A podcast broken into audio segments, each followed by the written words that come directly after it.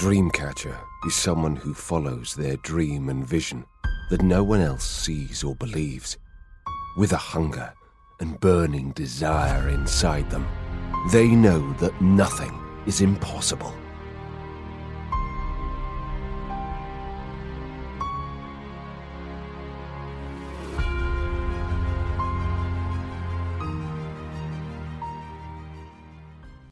Det här avsnittet presenteras av MCP, Malmö Capital Partners.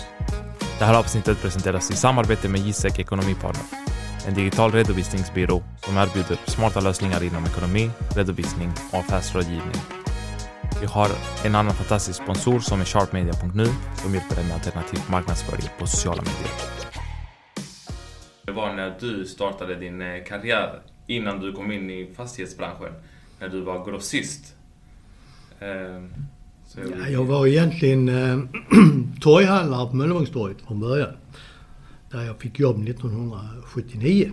Så att, eh, sen efterhand så utvecklades den verksamheten och blev mer grossistverksamhet och till slut så blev det ett företag i Helsingborg som jag sålde 1998 första gången och sen köpte tillbaka 99 och sålde igen 2002. Jaså, så du ångrade dig och sen köpte tillbaka?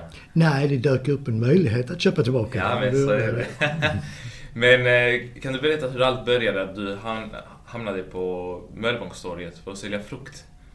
Ja, så att jag hamnade i frukt och grönsaksbranschen är ju egentligen det sociala arvet. Min eh, far jobbade i frukt och grönsaksbranschen och eh, via hans kontakter så fick jag jobb på Möllevångstorget hos en torghandlare som jag sen fick ta över hans verksamhet och, och, på den vägen började det. Okej. Okay. Hur gammal var du då? Jag var 14-15 år. Okej. Okay. Och skolan? Fanns det på den tiden? Eh, nej, det blev eh, mindre och mindre skola och mer och mer affärer. Okej. Okay. Ja. Kände du redan från början att detta är någonting jag vill syssla med? Nej, men det är väldigt lätt. Jag tyckte det här var roligt och det är ju ofta så att eh, det man tycker är roligt, det blir man, dels blir man lite bättre på det och så dels är det ju det man vill hålla på med. Ja, såklart. Mm. Men eh, vad var din roll till att börja med? Var du den som sålde till folk som stod och skrek eh, om de ville ha frukt eller eh, hade du andra arbetsuppgifter? Nej, från början så, så stod jag där och sålde varje dag och sen så utvecklades verksamheten och sen hade vi anställda så att då kunde, man fokusera, kunde jag fokusera mer på att eh, göra inköpen och andra affärer. Okej. Okay. Så det var det du kanske, som var din drivkraft, att göra affärer? Ja, jag brann ju för och brinner ju fortfarande för att göra affärer och jag har väldigt fokus på affärerna fortfarande. Okay. Vad var svårast eh, just på den tiden? Det, det är klart att eh, det är inte så svårt att bli grönsakshandlare egentligen. Och det krävs inte så stora investeringar det, det räckte för min del att, att jag hade de här, det här torgståndet och eh, en eh, flakmoppe så gick det att göra för.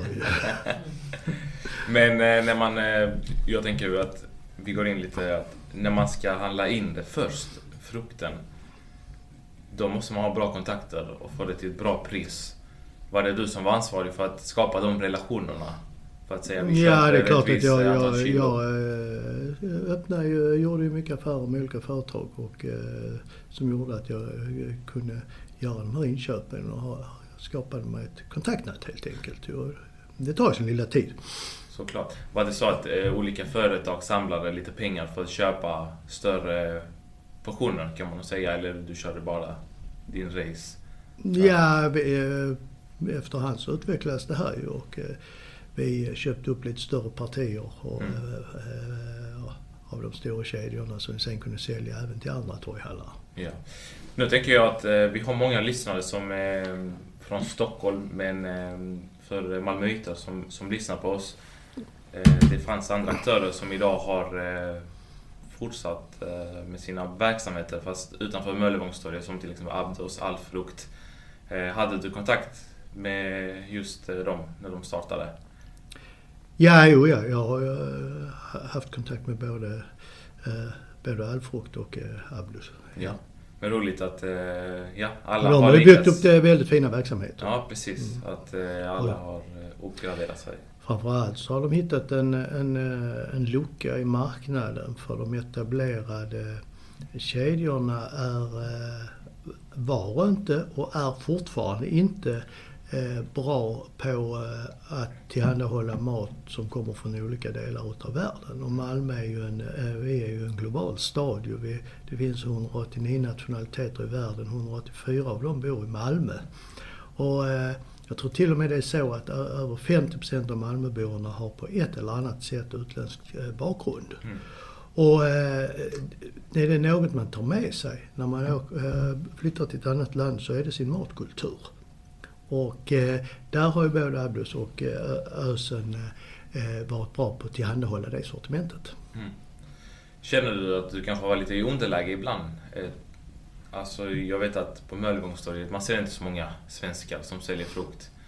Eh, I alla fall nu för tiden. Det är mest också ja, Men nu var min, min eh, karriär på Möllevångstorget började ju 79. Och eh, på slutet 70-talet och början på 80-talet så hade vi eh, inte någon... Vi hade en som kom från ett annat land och han kom från Turkiet. Annars var det eh, svenska torghandlare och eh, trädgårdsmästare som kom in och sålde sina varor. så det har ändrat sig. Men så är det. Ehm, och när du jobbade just i den branschen, det låter som att eh, ja, allt gick jättebra, raketkarriär. Men hur var det egentligen? Hur, hur tufft var det? Att, kanske kan tänka mig vakna väldigt tidigt, ha disciplin. Nej men det är klart att det, jag har ju alltid arbetat väldigt mycket och gör fortfarande. Men inte alls på det sättet som jag gjorde i början. Och jag, mellan 1980 eh, och 1999, eh, alltså nästan 20 år, så hade jag 10 veckors semester. Varav en vecka var på sommaren. Okej. Okay. Men eh, de andra veckorna, det kanske är sommar någon annanstans. Ja. Då kan man åka. kan man ju. men tio veckor är inte dåligt ju. Nej, men det är, eh, det är en halv vecka om året. Ja, precis. eh, och på den tiden, vad var ditt mål? Nej, men när, när jag började så handlade det ju mycket om att eh, jag blev företagare på grund utav eh, ungdomligt oförstånd och brist på alternativ. Det var helt enkelt så att det var ingen som ville anställa mig. Och eh, eh, då handlade det om att eh, få överleva. Att, jag kommer ihåg min första budget var att jag skulle ha ihop 150 kronor om dagen så att jag, jag liksom kunde ha, ha, betala hyra och mat. Men vad, vad var visionen? Var det bara att överleva? Ja, i, först, i första skedet var det ju det ju. Och sen efterhand så, så, så är det klart att vi hade eh, mål och visioner och bygga upp ett, ett, ett företag. Och eh, det gjorde vi också. Och det, var ju också så att eh, det var också en eh, lucka i marknaden som, som eh, vi då gav oss in i och det var ju att vi hade ju hand om försäljningen för en stor del utav den svenska produktionen av frukt och grönsaker. Och så vi skötte försäljning, marknadsföring och logistik för producenterna och sålde till de stora kedjorna. Och det var ju, hade ju historiskt skött av eh, ekonomiska föreningar, framförallt då Mäster Grön, som var väldigt ineffektiva. Mm. Som gjorde att, att vi kunde bygga upp en verksamhet kring det. På den tiden eh, tänker jag också att eh, man kan bygga ett företag själv, men hade du någon person runt om dig som kunde ge dig tips och råd? Jag har haft eh, väldigt bra eh, bollplank under alla åren. Och, eh, eh så att eh, det vill jag nog säga att det är, det är en förutsättning att ha det. Såklart. Ja. Efter, eh, under alla dessa år, någon speciell person som, som jag frågade? Jag har haft ett antal personer, det, dels under min, min tid i grönsaksbranschen men även nu när vi har byggt upp Trianon så har jag haft mina kompanjoner Jan Barkan och Mats Cederholm. Mm. Är du mentor åt någon? Jag är faktiskt mentor åt en kille i, i, i ett projekt som jag är med i, ja. Eh, och jobba inom frukt krävs bra förhandlingstaktiker. Också om man jobbar inom fastigheter eller egentligen om man jobbar med vad som helst. Är man duktig på att förhandla, då kan man säkert göra bra affärer. Tycker du är en bra förhandlare? Det vet jag inte men eh, jag ifrågasätter ju alltid priser ju så att det är klart att... Vad, vad är Vi prutar på det på? mesta. Ja men så är det. Men vad är det viktiga att tänka på? När man ska förhandla sig? Nej men eh, du, du ska ju inte gå in i, i du ska ju ha ett mål när du går in i en förhandling. Ja. Och sen om du eh, prutar på ett pris och, och du inte får igenom prutningen då kan du inte acceptera det andra priset. Det är inte affärsmässigt. Utan då får du eh, handla någon annanstans. Mm. Så man kan acceptera att ja, om du inte får det du vill då kikar man vidare? Ja. Eller avvaktar? Ja, så, ja. Så ja. Någonting ska man ha ut av förhandlingen. Ja, men det är bra. Eh, och eh, efter att ha jobbat flera år inom eh, frukt och eh, som grossist väljer du att köpa Trianon. Ja, det var ju så att det var ju lite tillfälligheter som gjorde att jag hamnade i fastighetsbranschen. Så att det började ju inte med Trianon utan eh, det började med att jag började köpa eh, några fastigheter själv och var också med i ett annat fastighetsbolag eh, och, och, och här i Malmö.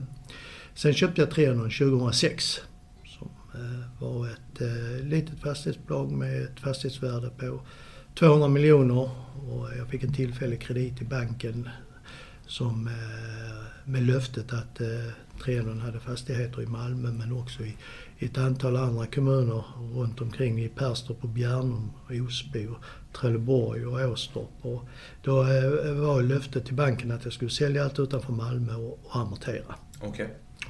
Och, det gjorde vi och det skapade ett förtroende som gjorde att vi kunde eh, förvärva fler fastigheter i Malmö. Okay. Så en bra bankkontakt är viktigt när man ska... Ja men fastighetsbranschen är väldigt kapitalintensiv så att eh, finansiering är en förutsättning. Mm.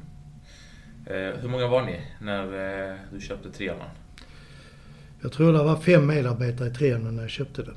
Okay. Vad var målet då efter ni hade sålt alla fastigheter runt om eh, Skåne? Och... Ja, det var att fortsätta utveckla bolaget som ett eh, litet familjeägt bolag i, i, och köpa någon fastighet om året.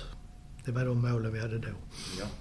Sen träffade jag på Jan Barkan av en tillfällighet 2009. Så, som också hade ett fastighetsbolag i Malmö. Som, så då beslöt vi oss för att slå samman våra bolag och eh, det gjorde vi 2010 och sen har vi utvecklat det här tillsammans. Okay. Du köpte exakt eh, innan eh, den här krisen som kom 2008? Eller tre år tidigare? Nej, vi började köpa innan och vi köpte även under krisen. Ja. Och det, var ju väldigt bra affärer de vi gjorde då. Och, och vi hanterade finanskrisen rätt så bra.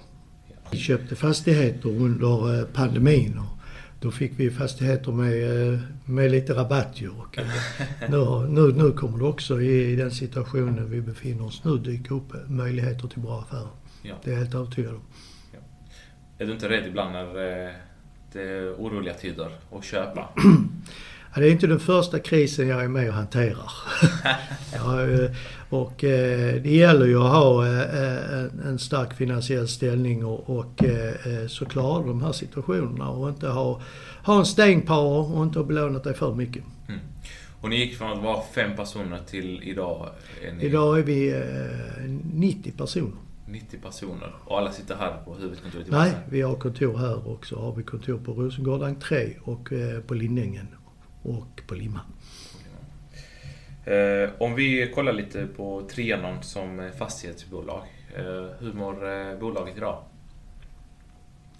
Ja men vi, vi, vi har ju som mål att, att växa bolaget med vårt förvaltningsresultat med 12 om året och avkasta vårt egna kapital med 12 och Eh, vi ska ha en belåningsgrad på högst 60 och, och eh, där ligger vi på 53,6 eh, för närvarande.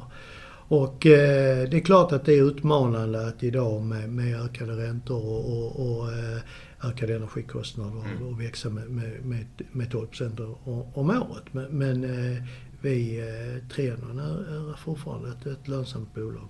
Ja, men det, det är nu man ska gasa på, ja. även om det är tuffa tider. Eh, det finns faktiskt en fastighet som jag eh, brukar vara där och, och, och gymma och det är en träsats. Eh, det, det är där jag brukar hålla mig. Och den köpte du 2017. Hur, eh, hur har just det projektet varit? För att det har varit mycket kritik tidigare att folk har haft lite svårt att lyckas med sina affärer där. Vi köpte entré 2017 av en tysk fond som hade investerat 2,4 miljarder i entré. Vi köpte det för 400 miljoner. Vi hade en uthyrningsgrad då på 48 procent. Idag har vi en uthyrningsgrad på över 90 procent. Ett av entréhusen är snart färdigbyggt och är en, eh, mer en samhällsfastighet. Vi har Statens servicecenter som hyresgäster, vi har Malmö stads gymnasieförvaltning som hyresgäster, vi har dit en vårdcentral, vi har kontor och eh, eh det andra stora entréhuset har vi då en 3000 kvadratmeter kvar att hyra ut. Mm. Så det kommer att bli och har redan blivit en, en, en lönsam affär för tre Det är en väldigt attraktiv eh, plats. Eller det har blivit så tycker jag. Ja, och det ligger ju på Värnhem då som också är en plats som har haft sina utmaningar, har utmaningar också men för den delen, men som, som jag tror är, är den platsen i, i Malmö som kommer att förändras snabbast de närmaste åren. Det byggs väldigt mycket nya bostäder på Sorgen Fri, Norra Sorgen Fri, som ligger väldigt nära Värnhemstorget. Det kommer att byggas nya bostäder på Älvstorp. Det är eh, den platsen jag tror i Malmö som kommer förändras snabbast. Tyckte du det var en, eh, en av dina största utmaningar att göra entré till ett attraktivt eh, ställe i Malmö? Jag brukar säga det att om, om vi eh, lyckas med entré så har vi varit modiga. Mm. Om vi misslyckas så har vi varit dumdristiga när vi köpte det. Vi vill rikta ett stort tack till vår partner och redovisningsbyrå Isek Ekonomipartner. De hjälper oss med affärsrådgivning, bokföring och andra löpande ekonomitjänster. Teamet på Gisek är extremt kunniga, pedagogiska och engagerade, vilket har gett vår verksamhet ett liv och sparat oss tid så vi kan fokusera på rätt saker. Men något av det bästa måste jag säga är det digitala. Vem älskar inte det digitala nu för tiden? Vi sitter ju både i Malmö och Stockholm och Gisek utgår från Göteborg. Och det har funkat hur bra som helst. Så det spelar verkligen ingen roll var i landet du befinner dig. Är du ute efter en redovisningsbyrå med fastprispaket så är Gisek lösningen för dig. Och eh, vad är det ni fokuserar främst på nu? Eh, på företaget? Ja men just nu, vi, vi, vi jobbar ju med vår uthyrning. Precis som eh, det är ju det viktiga att få bort de här vakanserna vi har i, i, i våra fastigheter som är eh, ungefär 5 Och det är ju eh, det är pengar som, som när vi hyr ut som trillar rätt ner på sista raden. Sen investerar vi i våra befintliga fastigheter, vi renoverar lägenheter vid omflyttning, vi energieffektiviserar och sen producerar vi nya bostäder. Vi har 700 lägenheter i produktion. Just nu är byggkostnaderna, det är som upphandlat till fasta priser, men just nu är byggkostnaderna lite för höga så vi byggstartar inget nytt just nu, men det kommer att gå ner. Och eh, sen är det ju att vi utvärderar de eh, möjliga förvärv så, som eh, dyker upp i marknaden. Det har eh, blivit så här de senaste tre åren kanske att yngre människor vill komma in lite mer i fastighetsbranschen. De ser att det är där man kan ta på saker. Det är alltid en bra investering, det har visat sig. Men eh, för någon som kanske vill eh, investera lite, varför ska man eh, välja Trianon? Vi är ett lokalt fastighetsbolag, vi, vilket är en konkurrensfördel för vi kan vår marknad. Och, och vi har ett väldigt engagerat team som jobbar hela dagen. Och, och vi har eh, engagemanget här, vi har modet och vi har nytänket. Och det är viktigt att vara innovativ. Eh, det är, om inte det är det viktigaste. Eh, om vi går lite tillbaka till eh, hur du var när du startade Trianon, eller när du kom in i Trianon. Hur tänker du idag jämfört med ja, 18 år sedan när ni var fem anställda här på plats? Nej men det är klart att eh, det har ju varit eh, fantastiskt för mig att få vara med om den utvecklingen. Att gå från ett fastighetsvärde från 200 miljoner till 13 miljarder och från fem anställda till, till 90 anställda. Och i, idag är vi ju eh, en organisation så om jag jämför med hur det var då så är jag ju inblandad i allting. Mm. Och, och det är jag inte idag. Jag har duktiga medarbetare som gör en stor del av jobbet här. Är det svårt att släppa taget? Nej, det har det faktiskt inte varit. Eh, utan det har varit eh, absolut nödvändigt att delegera för annars, annars går det inte att utveckla bolaget. Ja, precis. Man vet att det är mycket, när man är i en tillväxtfas, det blir mycket micromanagement för att man vill ha koll, man vill ha kontroll. Men jag tror att man lyckas som bäst när man eh, ger kontroll till någon annan som man litar på.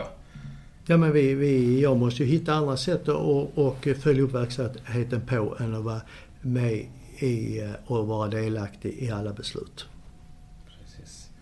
Um, om eh, vi pratar lite om misstag man har gjort i karriären. Nej men det är klart att eh, jag brukar säga det och det säger jag till mina medarbetare också att i, i triathlon får man lov att göra misstag. Man får lov att göra fel. Men vi gör inte samma misstag och samma fel en gång till. Utan vi lär oss någonting av det. Och misstänker att det var samma sak när du jobbade med frukt också. Att ja, men om frukten blir dålig då kan man inte sälja det. Nej. Eh. Så det är klart att det har gjorts misstag. Eh, om vi har pratat lite mer om förebilder i dagsläget. Har du någon person eller någon som, ja, som du blir inspirerad av? Eh, inte någon speciell person. Men eh, jag kan säga att när jag kommer in här på kontoret så får jag en otrolig energi av alla mina medarbetare. Och det är eh, en av eh, de, eh, förutom att vi ska göra ett resultat och alla de drivkrafterna, så, så, så ger det mig energi. Mm. Eh, och om vi kollar eh, när du då startade Trianon. Eh, hur valde du lite med det för att det skulle vara mindre operativ kanske? Att jobba inom fastigheter, lite mer passiv? Ja, man kan säga som jag, som jag, jag jobbade i 20 år i, i eh, frukt och grönsaksbranschen. Under de 20 åren hade jag totalt eh, 10 veckors semester. Varav en av veckorna var på sommaren. Och eh, jag trodde ju att om jag gav mig in i fastighetsbranschen så skulle det innebära eh, att jag skulle arbeta lite mindre. Precis. Ja, kanske till och med så att man bara jobbade i slutet på månaden när hyrorna kom. Men där hade jag fel. Märkte du snabbt att nej, detta kommer ta mer tid än vad jag trodde? Ja. Men det känns som att du är en människa som eh, måste ändå ha någonting att göra hela tiden. Ja, men jag tycker det är roligt att arbeta och jag tycker det är roligt att jobba på Trianon. Och eh, när du inte tycker saker är roligt längre, då funkar det inte. Då är det dags att göra någonting annat. Ja. Du måste ha kul på jobbet. Men har du några speciella rutiner? Ja, jag har väldigt mycket rutiner. Jag går upp klockan fem varje morgon. Och så eh, är jag här på kontoret eh, klockan halv sju. Tre dagar i veckan. Och sen de andra två dagarna i veckan så kommer jag lite senare för att jag tränar på morgonen. Ja, men det är bra. Det känns som att om man vill lyckas, man måste vakna klockan fem, klockan sex på morgonen. Catch the day. Jag vet inte om det är något samband mellan det, men jag har alltid gått upp klockan fem på morgonen. Jag tänker fortsätta göra det. ja, det är bra. Men eh, om vi pratar lite om hållbarhet. Hur ställer Trianon till när det kommer till det? Ja, vi jobbar ju och har jobbat i väldigt många år både med, med eh, den ekologiska hållbarheten och eh, eh, den sociala hållbarheten ute i våra områden. Och knutit ihop det här till, till att även få, få med lönsamheten och, och affären i, i, i detta. Och vi, jag brukar säga att, att vi måste ju leverera en affärsnytta till våra ägare. Och, eh, men vi ska också leverera en kundnytta och en samhällsnytta.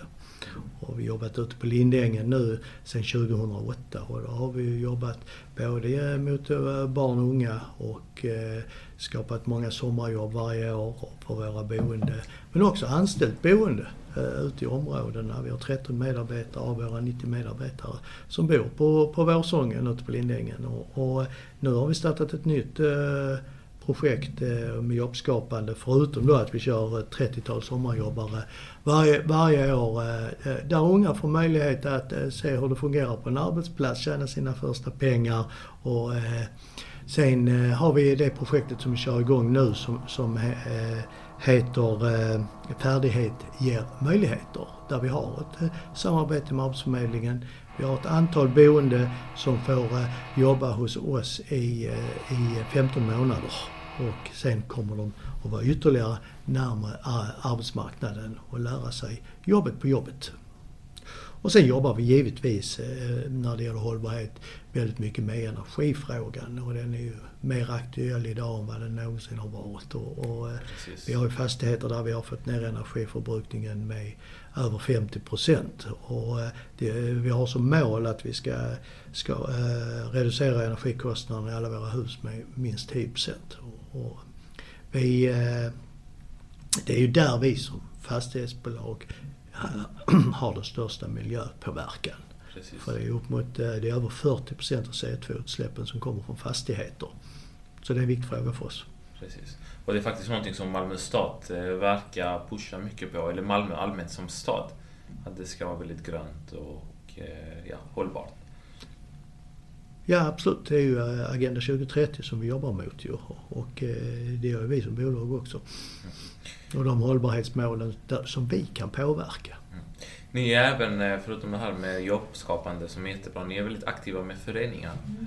Vi har ju en stiftelse också som vi eh, har eh, eh, till, tillsammans med det kommunala bolaget MKB där vi, Trianon och Trianons ägare har satsat 21 miljoner som driver olika verksamheter och stöttar föreningslivet för att barn och unga ska ha en bra fritidssysselsättning på Rosengård, Nydala, Hermodsdal och Lindängen. Och det är 22 000 barn som på, i Malmö som på olika sätt har varit eh, med i verksamheter som är finansierade av vår stiftelse. Det är jättebra. Eh, och sen om vi går till, nu nämnde du Rosengård. Du har lite fastigheter där. Ja, vi äger ju Rosengård centrum. Eh, vi äger det bara till 50% nu men vi köpte hela fastigheten 2016 och då var det väldigt mycket vakanser och vi köpte det. Det var egentligen Eh, precis som entré. Det var fastigheter vi inte ville ha till ett pris vi inte kunde motstå. Och eh, den har vi utvecklat sedan dess och i princip dubblat värdet på fastigheten. Och nu för ett och ett halvt år sedan så sålde vi hälften av fastigheten till eh, ett bolag som ägs utav Bonnier Fastigheter. Så nu ska vi ta den fortsatta utvecklingen tillsammans med dem. Och det innebär att nu har vi ett fullt uthyrt köpcentrum. Vi har eh, samhällsservice, vi har handel, det är lokala entreprenörer som driver handel där. Det är nästan inte en enda kedja som ni känner till. Och, och, och nu ska vi bygga nya bostäder och nya verksamheter runt omkring eh, centrumet. Ja, så det är målet också att se till också så att Rosengård blir ett attraktivt, attraktivt eh, ställe det är klart att vi vill utveckla Rosengård och, och vi tror mycket på Rosengård också. Eh, Rosengård ligger ju väldigt centralt i Malmö och, och eh, byggdes ju på 60 eh, och 70-talet som eh, miljonprogrammens miljonprogram. Framtidens och möjligheternas plats. Och det har det varit för så många människor under de här 50 åren och är fortfarande. Vi tänker om Malmö de kommande åren och, och varför ska man investera i Malmö? Ja, Malmö är ju den eh, staden i Sverige som har den bästa tillväxten. Och eh, Malmö har vuxit 34 år i rad och, och eh, är nu 357 000 invånare. Vi har planerar, staden planerar nu för att bli en stad för 500 000 invånare 2047. Och den processen är ju redan igång. Bara, bara under fjolåret växte vi med över 5 000 nya Malmöbor. Och kommer vi att bli eh, en halv miljon eh, eh alltså 500 000 invånare 2047 så innebär det att bara på bostäder kommer vi behöva bygga 81 000 nya bostäder i Malmö. Plus all annan samhällsservice som är, är kopplat till en större befolkning. Det är stora investeringar så kan vi bara ta en liten del utav den kakan i Trianon så borgar det för att vi kommer ha en väldigt god tillväxt i vårt bolag. Eh, jag har en sista fråga, eh, Olof. Och eh, det är många av våra följare som ställer frågan Hur ska jag starta min fastighetsresa? Och vi vet att alla har olika förutsättningar. Men vad skulle du ge för tips till någon kille, tjej som är sugen på att starta? Det är ju så att fastighetsbranschen är väldigt kapitalintensiv. Så att där får man börja i mindre omfattning och eh, köpa ett hus och eh, utveckla det och skapa värden och sen sakta men säkert bygga upp verksamheten. Och inte ta för höga risker.